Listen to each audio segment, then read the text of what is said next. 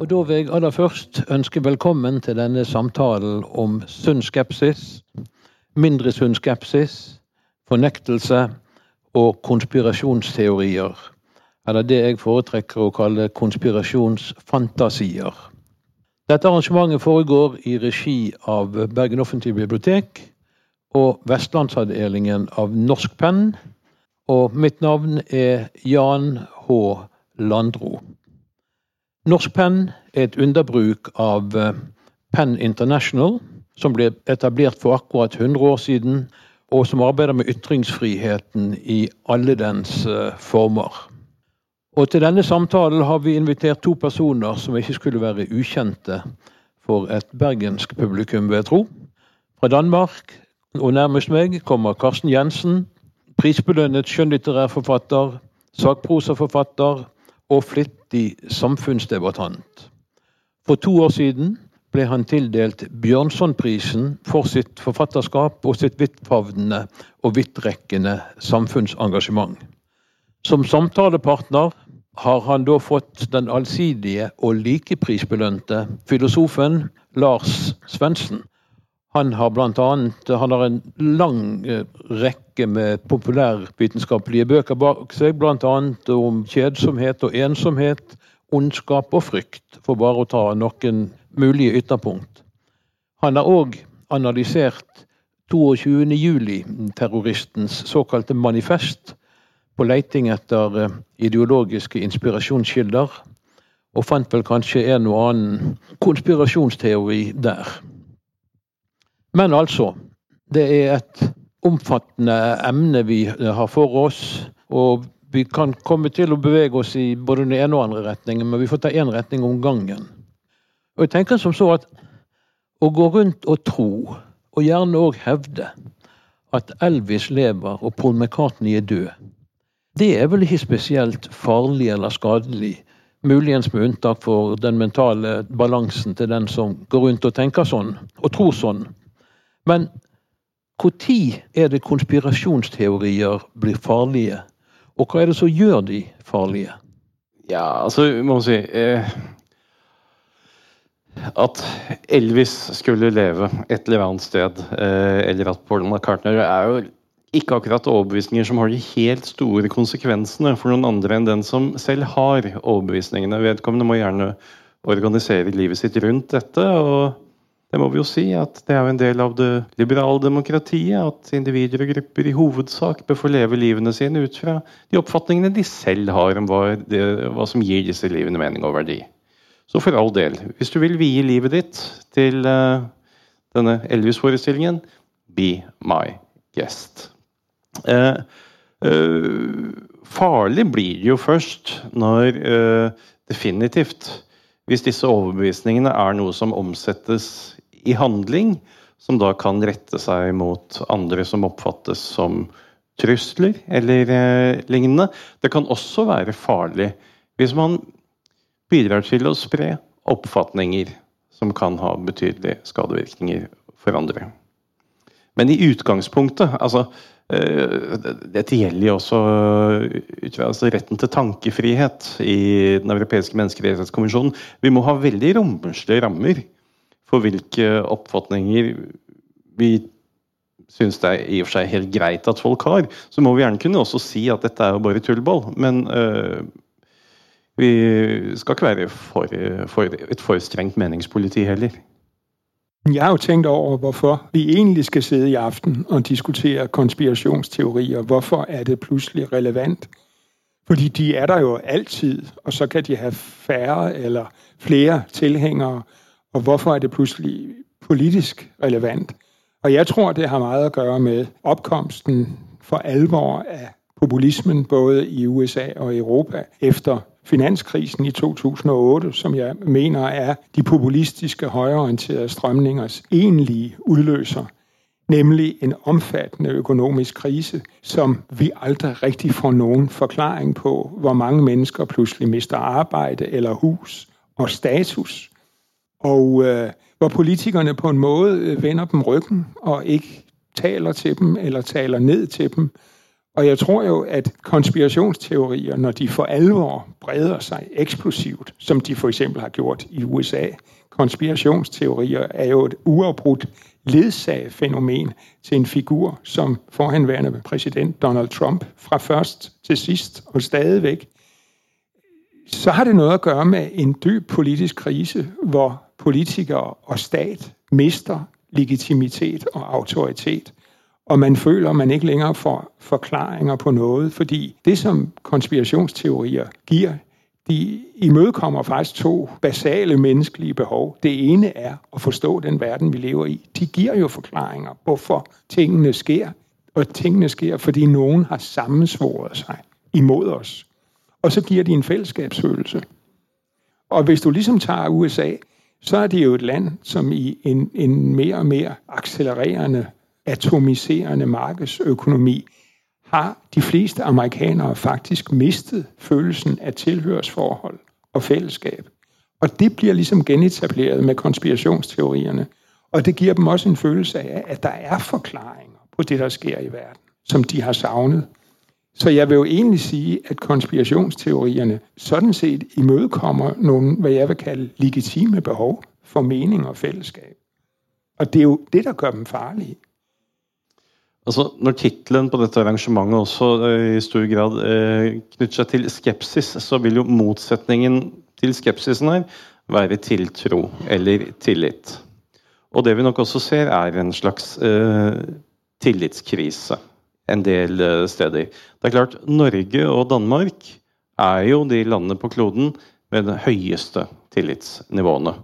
Noen år ligger Danmark øverst, noen år Norge. og Da blir de ofte presentert eh, når disse World Value Survey kommer. Så kan man lese i Aftenposten f.eks. 'Nordmenn klodens mest naive folkeslag'. Altså vi, vi, har, vi, har, enormt stor tillit. Det er nok også en viktig grunn til at konspirasjonsteorier ikke, stort sett ikke hatt så veldig god grobunn i land som Norge og Danmark. Vi stoler stort sett på, uh, på myndigheter. Vi stoler stort sett på offentlige institusjoner og osv. Eh, men det er klart, når den tilliten eh, forvitrer en del steder, så skaper det helt klart eh, grobunn for, for, konspirasjoner. Og i USA så har vi jo sett altså tillitstallene har vært kraftig på vei nedover. De er også på vei nedover i England. Kanskje Tyrkia er et land hvor det kanskje har falt raskere enn noe annet sted. Det er en del steder hvor, hvor tilliten synker dramatisk. Og altså Tillit er avgjørende, for så, så ut, utrolig mye av det vi mener å vite om verden, er basert på tillit. Det er svært få fenomener hver og en av oss går ut og undersøker fra bunnen av. At vi går ut og samler empirien og setter dette sammen til teorier osv. Det, er nokså unntaksvis. Stort sett så tror vi at noe er sant fordi noen vi stoler på, har sagt at det er sant. Og da blir spørsmålet hvem stoler du på? Og når man da slutter å stole på en del av de institusjonene som man tidligere har stolt på, da kommer altså konspirasjonsteorier inn og fyller et, et rom. Eh, og noe av det vi ser i dag altså Man har snakket mye om dagens samfunn som sånn postsannhetssamfunn osv. Jeg tror egentlig ikke det gjelder de aller fleste mennesker. Jeg tror de aller fleste mennesker har et sånn ganske streit eh, oppfatning av sannhet, som at noe er sant hvis det er sånn det er. Ser ikke på språket kun som et strategisk redskap for å utkjempe slag. Men de plasserer tilliten sin andre steder enn tidligere. Og det kan føre til veldig, veldig sterke polariseringer. USA er kanskje det mest slående eksempelet her eh, i øyeblikket. Allerede i 2016-valget så uttalte jo fire av fem demokratiske velgere at de trodde at de ikke ville kunne bli enig med republikanske velgere om grunnleggende fakta. Og du fikk jo rett. Ja. Og republikanske velgere sa nøyaktig det samme. Fire-fem av dem sa at de ville ikke kunne bli enige med demokratiske velgere om grunnleggende fakta. Og vel å merke fakta, ikke verdier. Og det er klart, eh, Når du får en så sterk polarisering, som nok er i utgangspunktet en verdipolarisering, men som slår over og blir en faktapolarisering, da har man egentlig mistet et felles samtalegrunnlag. Og så får du en slags sånn nytribalisme. Altså hvor man eh, får interne bekreftelser og svært lite kommunikasjon tvers over. Og da innenfor disse rammene så kan nær sagt hva som helst få utfolde seg. Og vi ser jo at det, det gjør det òg. Ja. Hva som helst utfolder seg. Men eh, det er vel særlig kriser, reelle kriser eller opplevde kriser, som forsterker disse tendensene. Og altså, som, som, som legger til rette for at konspirasjonsteorier eller fantasier kan florere. Helt avgjørende at man finner noen å klandre. F.eks. hvis vi ser tilbake på middelalderens Europa, så var forferdelig vannkvalitet, altså det å ta et glass vann, var jo virkelig ekstremsport. Altså, sannsynligheten for at du ble syk, var veldig veldig stor. Den vannkvaliteten var ikke noe som mange bekymret seg over, før noen fant ut at vi kan klandre jødene. Ikke sant? Mm. Altså, så når du da klarer å finne en uh, truende fiende som står bak denne elendigheten, da klarer du også å, å mobilisere dette som et betydningsfullt krisefenomen. Mm. Men hvis man tar et fenomen som klimaskepsis, så er det jo ikke sådan en plutselig folkelig konspirasjonsteori. Den er jo fra starten av skapt og finansieret av mektige olieselskaber, hvis forskere meget tidligt, allerede i begyndelsen af 70-tallet, ved, at de fossile brændstoffer vil skabe en klimakrise, og forudsiger den ret detaljeret, og derefter beslutter sig for at finansiere forskere og opinionsdannere, som siger det modsatte. Hvis opgave det er konstant og hele tiden at bagatellisere klimaforandringerne og påstå, at de er ufarlige, at det er... Altså, billedet har jo om sider ændret sig takket være en massiv indsats fra 10.000 og mere klimaforskere. Men her har du jo altså en, en, en, en skepsis, som faktisk ikke pludselig opstår som en folkelig reaktion på noget uforståeligt eller truende, men som er iscenesat. Og nu lyder det jo næsten som om, at jeg har en konspirationsteori om olieselskaberne, men, men det er jo faktisk altså vist, at, at man har fundet rapporterne fra meget tidligt, at de vidste godt, hvad det var, jo. de var i gang med og besluttede sig for, at, at det ville være opportunt at benægte det. Nettopp. Nei, Det er jo dokumentert på samme måte som, eh, som tobakksindustriens store innsats for å, å, skjule det de visste, er dokumentert. Så, så langt er vi i det minste kommet. Og i, i det stykket er det selvfølgelig en avgjørende forskjell på klimakrise og klimaskepsis.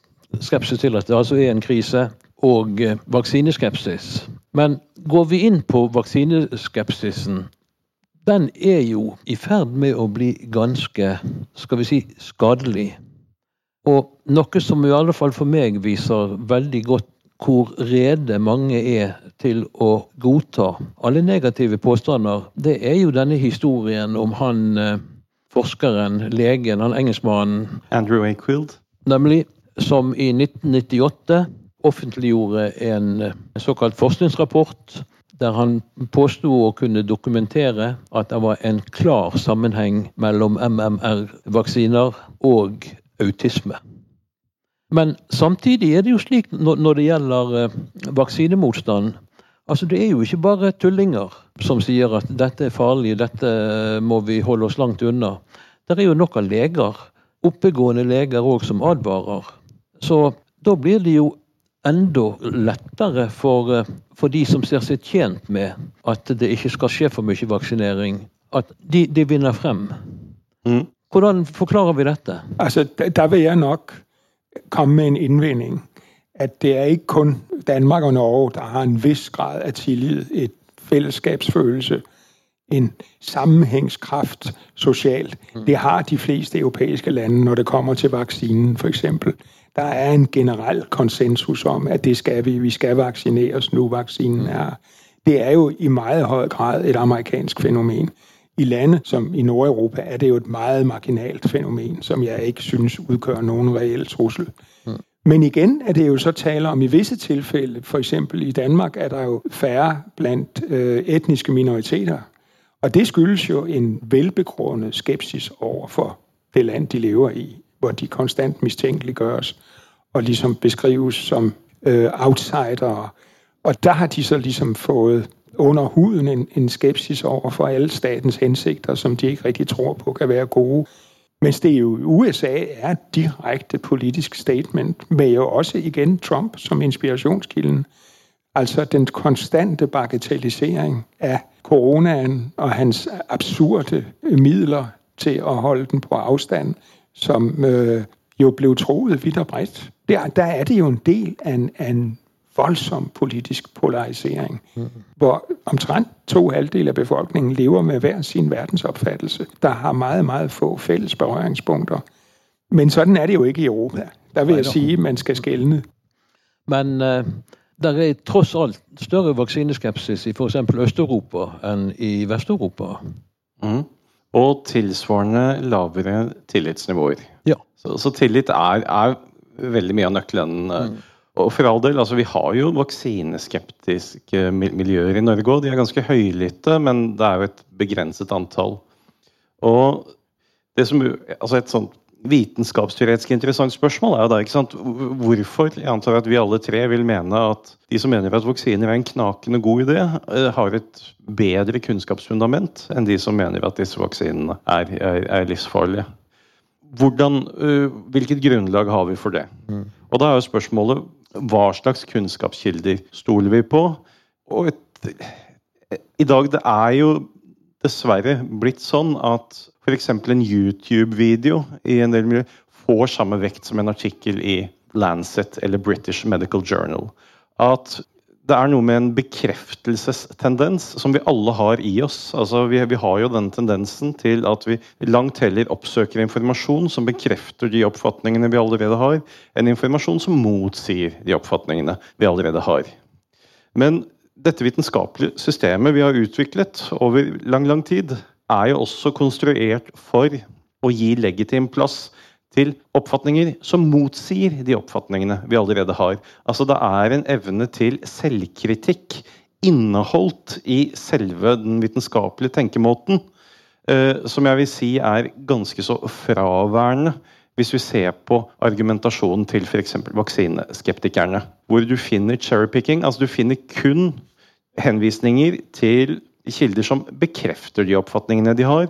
Og kvaliteten på kildene Dvs. Si, altså hva slags publiseringskanal er dette, hvordan er dette kvalitetssikret osv. er mindre viktig enn at det er en bekreftelse av den oppfatningen man allerede har.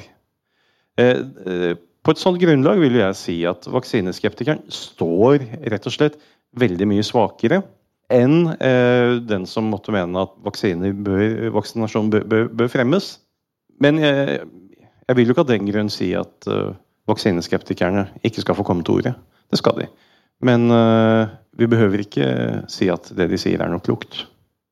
Altså, man kan jo også si at altså, for å være vaksineskeptiker skal du også være hva jeg vil kalle tendensiøst asosial. Fordi det handler jo ikke kun om deg selv, om du har lyst til å ta vaksinen eller ei. Det handler også om at du i omgangen med andre mennesker løper en risiko for å påføre dem smitte. Ja. Uh, og når du som vaksineskeptiker er ligeglad med den effekt, du måtte have på andre, fordi din frihed til at sige nej er vigtigere, så er du allerede ligesom talsmand for en, der mener, at fællesskabet ikke betyder noget, hensyntagen til andre, en, hvad skal vi sige, afkald på min suveræne individualistiske frihed i visse henseender. Det kan jeg ikke gøre. Min frihed er ukrænkelig. Der er jeg litt uenig med deg.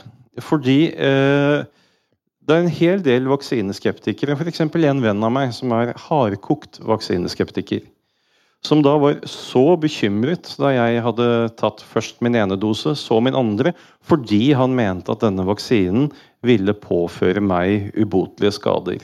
Altså Du kan godt eh, for den saks skyld også snakke også om en altruistisk vaksineskepsis, så fremt man mener at dette er noe som påfører folk alvorlige helseskader så er det gjerne da også kombinert med en oppfatning om at covid-19 ikke er så farlig, osv. Slik at man da ser på vaksiner som en mye større fare enn den sykdommen det er ment å eh, helbrede eller forhindre.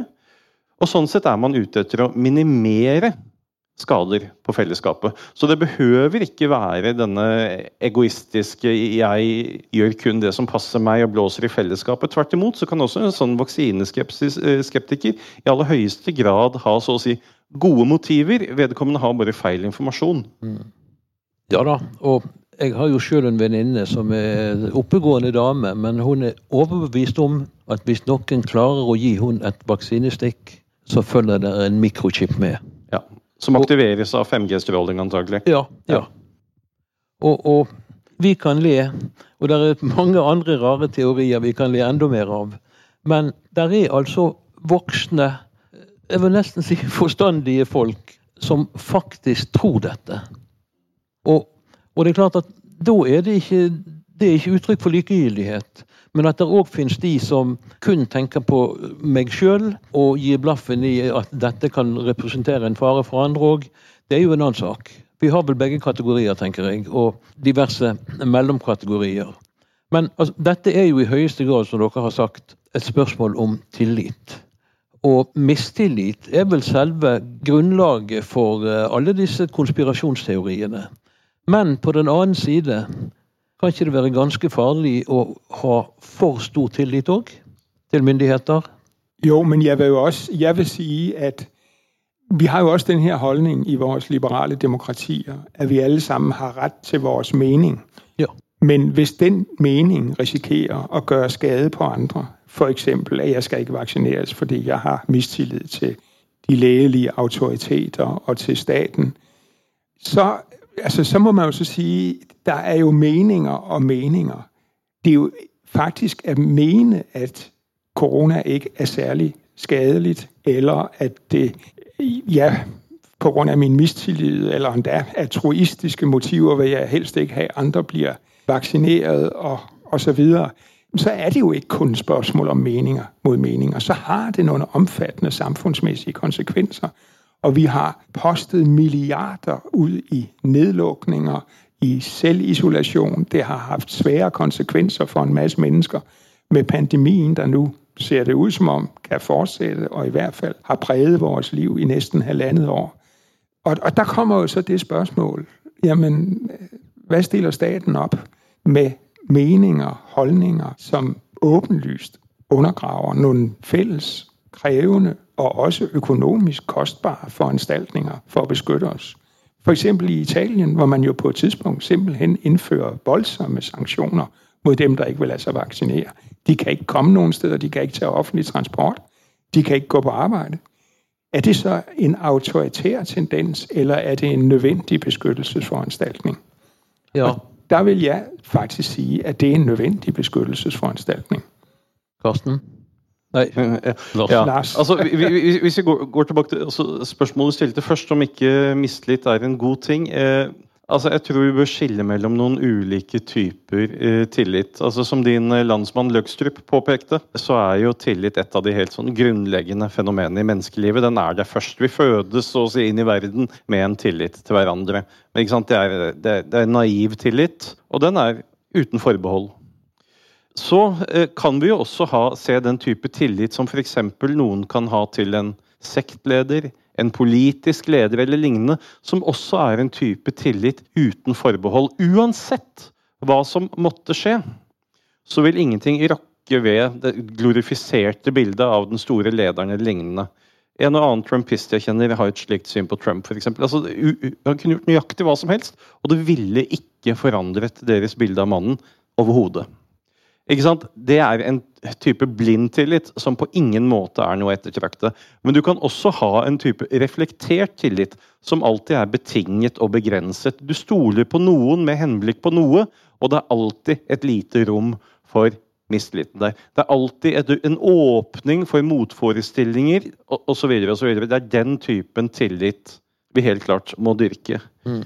Og vi har, eh, vi har ganske så rikelig med tillit. Vi har eh, også ikke så gale vaksinasjonstall. altså Vi kunne gjerne ønske oss at de var, at de var høyere. Men vi, når vi snakker om politiske tiltak, så er det et par poenger som er viktige. For det første så bør stort sett medisinsk eh, behandling foregå ut fra et fritt informert samtykke. Så kan vi alltids diskutere hva skal til for at det er informert osv. Men normalt så ilegger vi ikke folk veldig sterke sanksjoner for å gjøre noe som ikke er i deres egen interesse.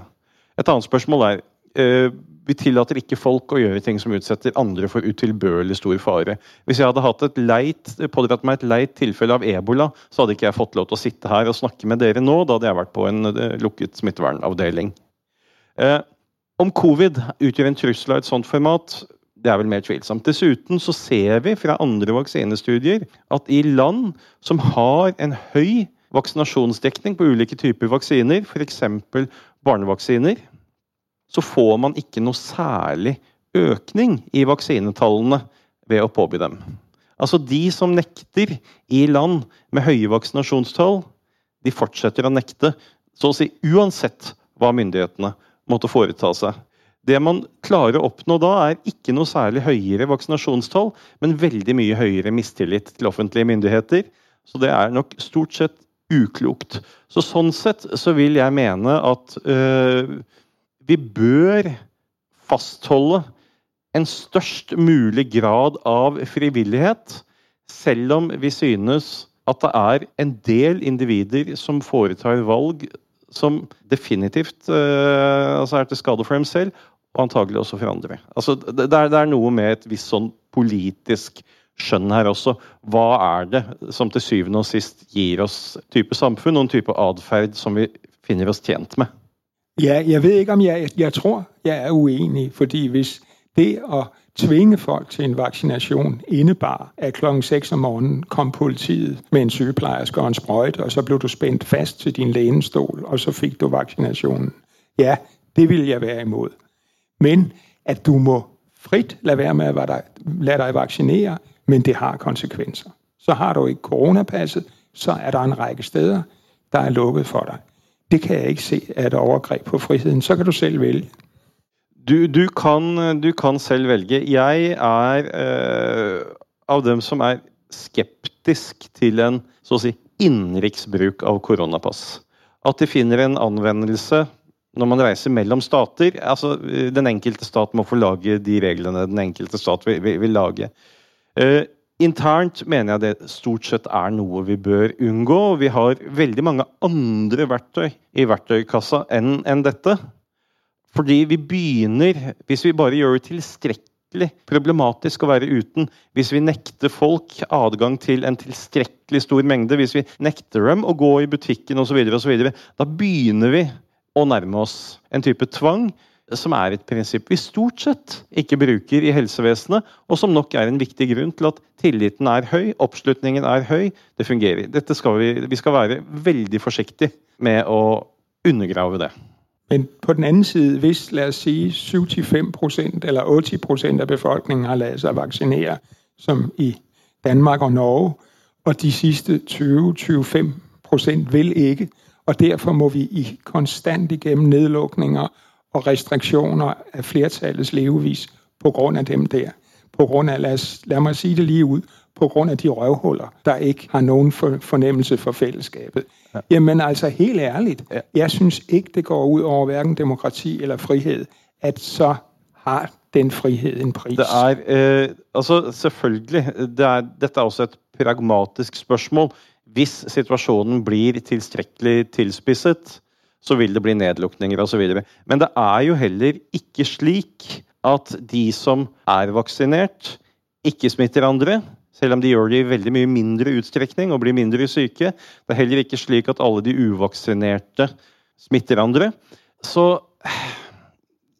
Nei, altså Den type Så å si å lage den type A-lag og B-lag hos borgerne, eh, er jeg i utgangspunktet skeptisk til, selv om jeg er en varm vaksineforkjemper. Men vil det også si at du i retrospektiv synes at de nedlukninger og den selvisolasjon vi har vært igjennom, var grunnleggende forkerte? Det skulle vi aldri ha gjort. Nei, den rammet ikke sant? For det første så, rammet, så, så var det et allment tiltak. Og den første nedlukningen Det var også mange som da også ropte opp om at dette var brudd med liberale prinsipper osv. På det tidspunktet så var altså den vitenskapelige usikkerheten om hva dette her var, i det hele tatt, var så høy at jeg vil si at ganske ekstreme tiltak var fullt ut forsvarlig på det tidspunktet.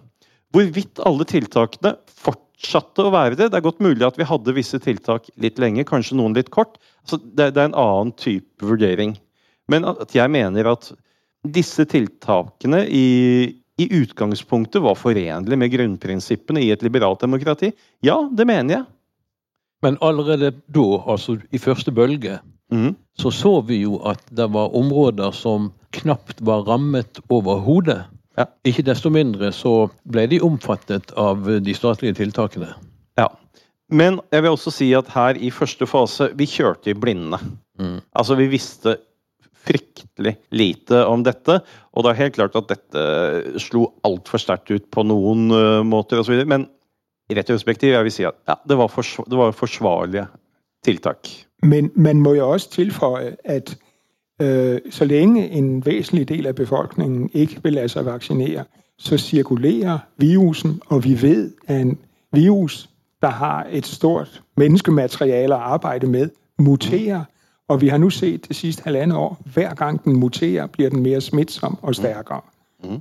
Og det vil sige, så er vi jo inde i en endeløs cyklus, fordi der er en stor del af befolkningen, som af en eller anden grund ikke vil lade sig vaccinere, så kan virusen blive ved med at mutere, blive stærkere og stærkere. Og det er jo også det, der skal sættes en stopper for. For ellers er det jo så lever vi plutselig ja. i et permanent pandemisamfund. Ja, men, øh, øh, det er bare å innse. Altså, Covid-19 er endemisk. Den er her for å bli. Vi kommer aldri til å bli kvitt den. Og selv om vi alle Altså, vi, altså, vi vil nok snart få tilbud om vår dose tre. Og vi tar vår dose tre. jeg skal ta dose... min i morgen. Hmm? Jeg skal ta min i morgen. Jeg får nok ikke ja, min før på nyåret, vil jeg tro. Og jeg får min den 30. november. Ja. Og jeg gjør det med glede. Jeg gjør det jeg, jeg, uten betenkelighet. Jeg også, men selv om eh, 100% av befolkningen hadde tatt sin dose 3, 4, 5, 6 osv., så, videre, så må vi nok bare konstatere at covid-19 er endemisk. Den vil være i sirkulasjon. Eh, spørsmålet er hvor høye nivåer vi mener at vi kan leve med. Og da ikke først og fremst antall smittede, men antall innlagte. Hva kan vi håndtere eh, innenfor, eh, innenfor, helsevesenet? Hvor må vi øke kapasiteten? Og så, og så videre. Så det, dette er noe vi vil måtte leve med, og vi vil måtte håndtere uansett. Eh, at det faktum at så mange ikke vil, eh, så mange som det faktisk er tilfellet, ikke vil la seg vaksinere, ja, det gjør problemet større, men problemet ville ikke forsvunnet uten dem. Nei, men et mindre problem er jo tross alt å foretrekke fremfor et større problem. Ja, men jeg tror, Man kan jo ikke relativere de, det på den måten. Problemet er, altså, men saken er den at jeg mener at din løsning på problemet antagelig er et, et større problem enn eh, det problemet det er ment å være en løsning på. Det, det er vel, det er altså, medisinen har eh, større negative virkninger enn, enn det man skulle bruke medisinen på? Eh, som et stykke politisk praksis ja, så, så, tror jeg her at skadevirkningene vil være større av å gripe såpass hardhendt til verks. Ja. Men, men, men, altså, men jeg sier ikke at dette nødvendigvis er tilfellet i ethvert samfunn. Altså, Hva slags tiltak man kan og bør gripe til, vil også variere med situasjonen i de ulike samfunn. Det som er riktig policy i Norge eller Danmark, er ikke nødvendigvis riktig policy i Italia eller Spania. Nei.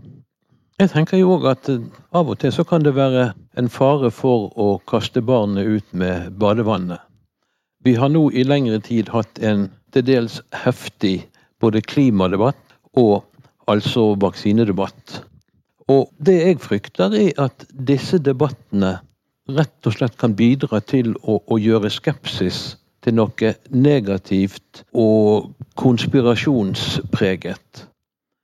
ikke det ganske farlig i så fall? Men altså, jeg må jo si at jeg opplever f.eks. ikke at vi i Danmark har en vaksinedebatt. Der er en generell konsensus mm -hmm. om at man skal vaksineres.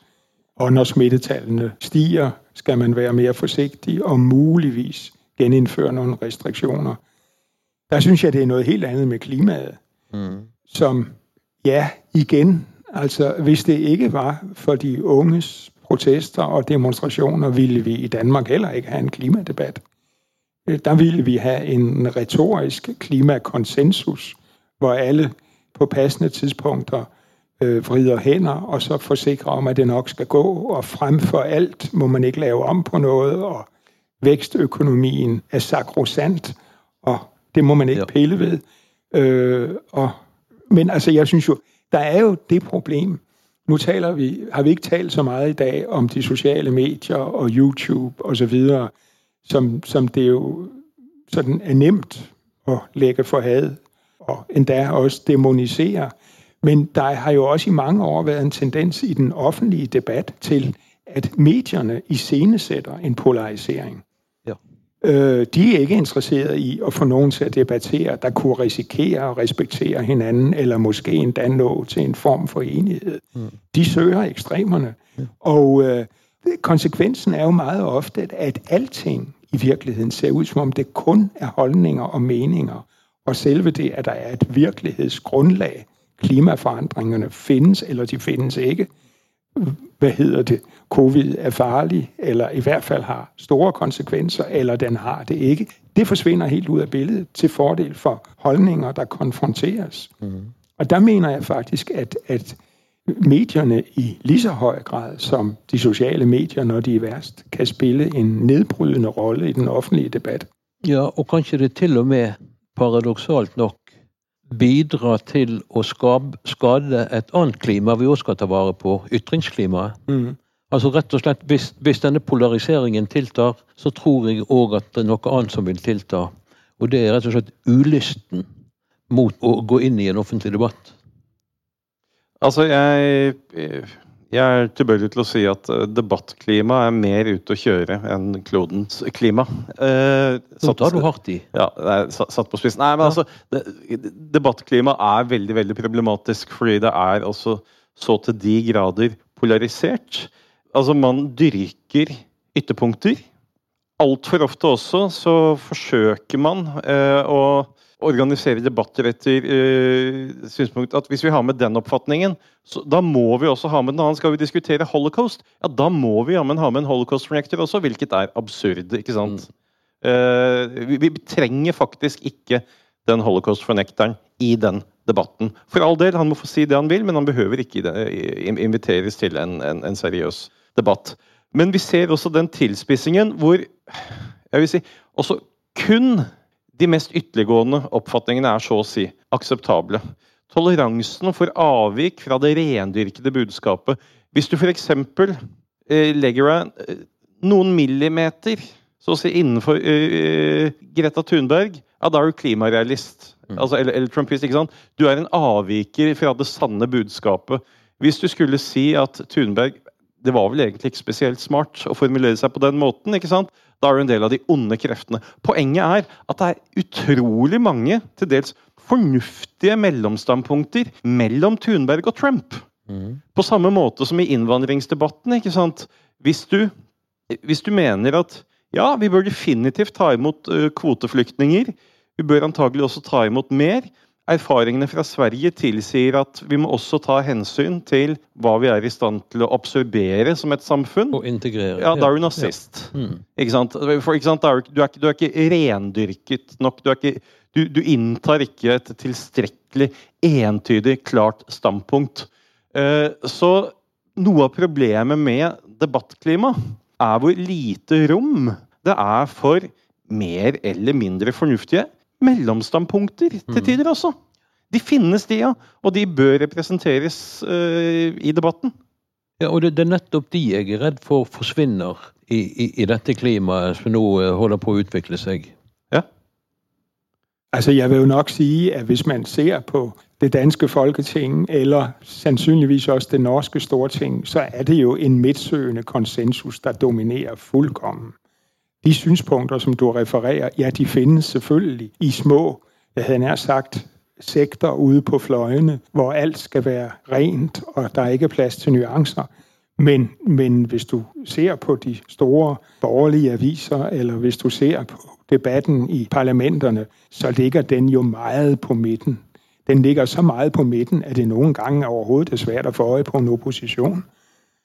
Politikken ender, ender ofte der. Debattene eh, søker mot ytterpunkter.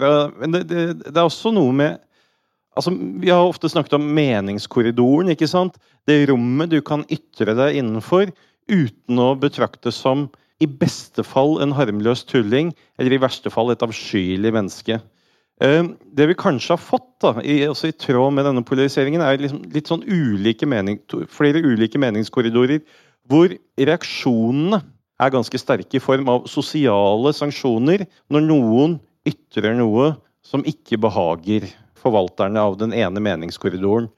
Og Tidligere så kan vi vel også si at det var de liberale som uh, måtte beskyttes mot de konservative.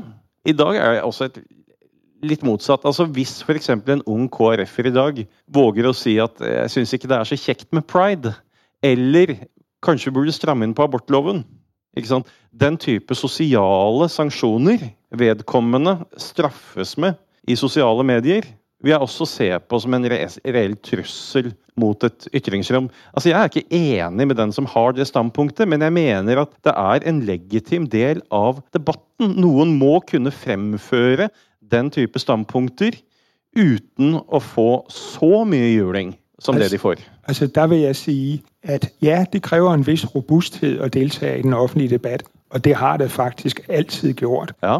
Øh, også før de sosiale medier. Og hvis man ikke kan tåle å bli skældt ut på Facebook, altså tag jer nu sammen og hold opp med å flæbe. Altså helt ærlig, det kan jeg slett ikke sympatisere med. Hvis du har et standpunkt, så stå ved det. Og hvis det koster på de sosiale medier, så tag det som en kvinne eller en mann, for den sags skyld. Altså det der, Jeg syns det er flepperi. Nei, altså Jo. Se her nå. Eh, altså Én ting er at jeg er også helt enig i at du må Du kan ikke være for tynnhudet hvis du skal begi deg ut i det offentlige debattrommet. Du må være forberedt på å få reaksjoner på det du gjør.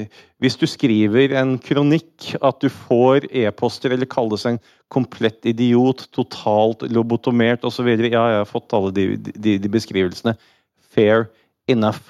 Men når man i en del av disse grupperingene altså i realiteten uh, setter i gang kampanjer altså som skaper et helt vanvittig press, det er et reelt problem i ytringsrommet. Og de sosiale mediene har skapt en annen mulighet for den type kampanjevirksomhet enn tidligere. Så for all del, ja, eh, du må ha tykk hud, men å kreve at man skal være fullstendig usårbar, vil være å legge lista for høyt. Men igjen, altså Før de sosiale medier, der var det tabloidaviser, der knuste menneskeskæbner som altså var det en kørte var det en, ja, var det en, Nei, det var det ikke, men sånn var det. Ja. Uh, og jeg mener, for, som forfatter, det må du jo også selv kende, man bruker år på en bok, og så kommer den ut, og så blir den smadret av dumme anmeldere. Det er helt ok. Ja, og det er altså liksom betingelsene. Ja, ja. Sånn er det. Og hvis du ikke kan tåle det, jamen så finn deg et annet erverv.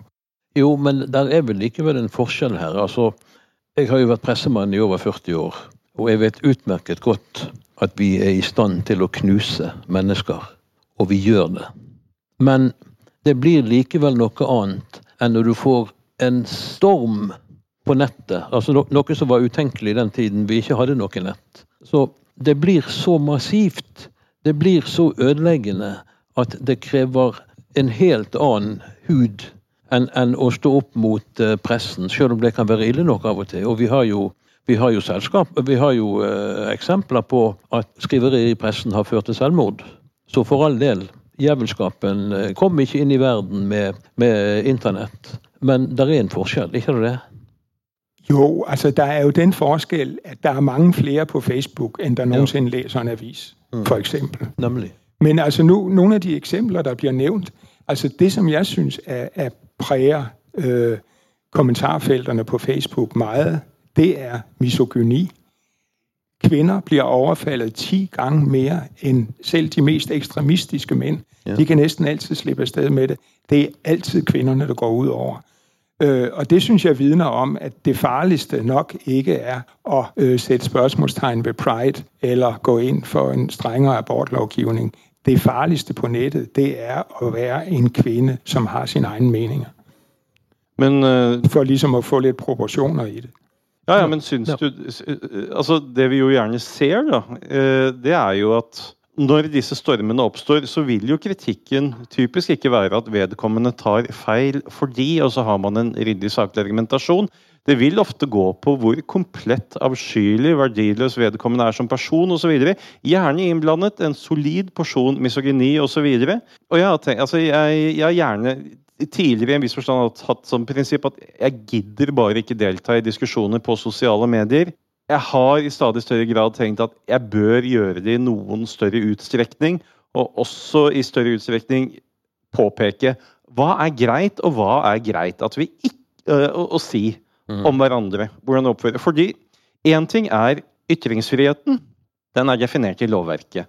Men det er veldig mye som slipper gjennom der, som er høyst problematisk. Det som slipper gjennom der, er høyst problematisk. Det er opp til oss som sivilsamfunn å forvalte. Og da bør vi faktisk altså blande oss inn når folk opptrer i dette eh, ytringsrommet på en måte som er til utilbørlig stor skade for noen som da har ment et eller annet om et eller annet.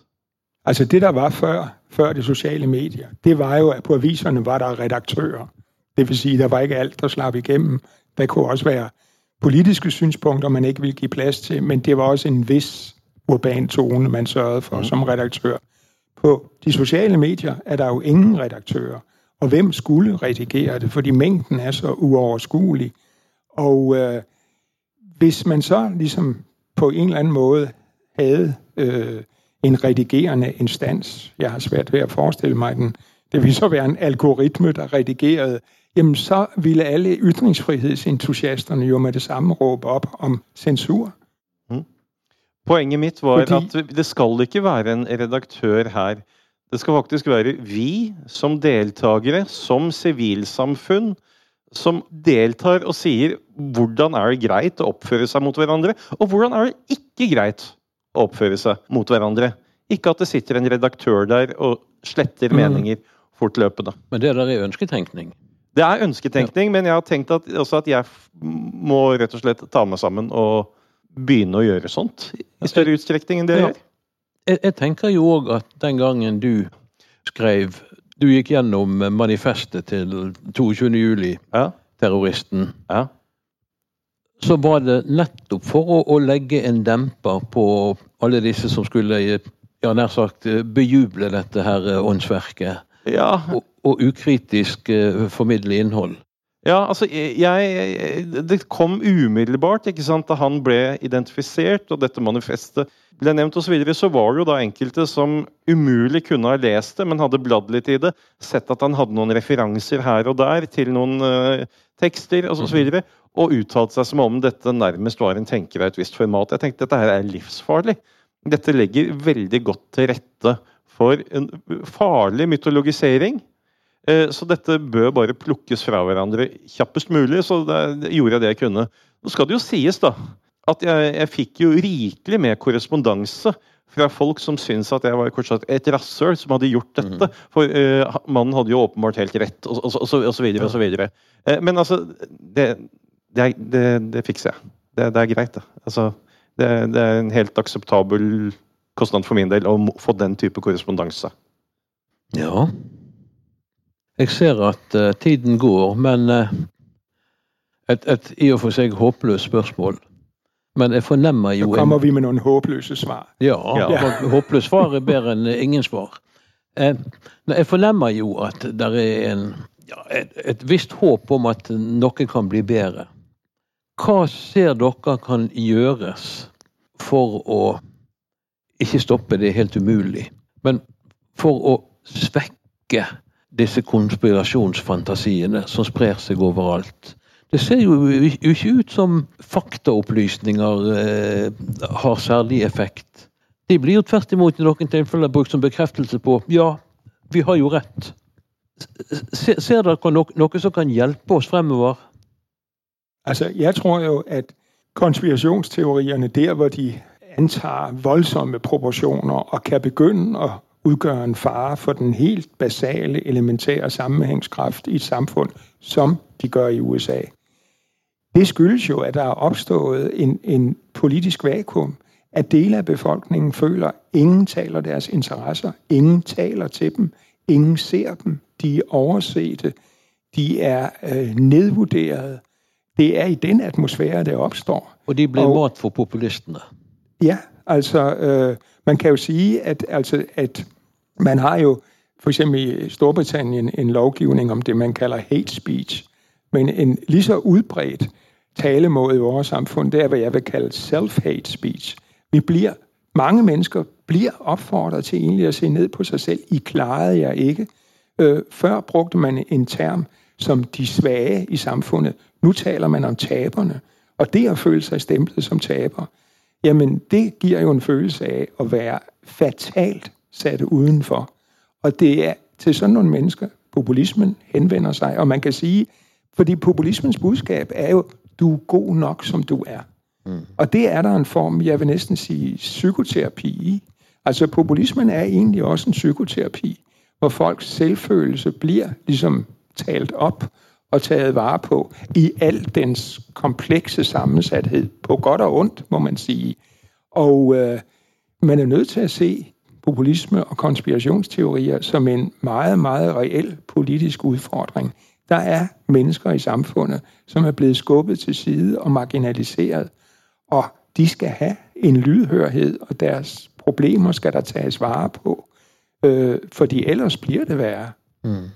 Og, og, og populisme vinner jo tydeligvis frem rent politisk. Til tross for at populistene, altså de, de politikerne som eh, er populister, de har jo ingen store visjoner for samfunnet.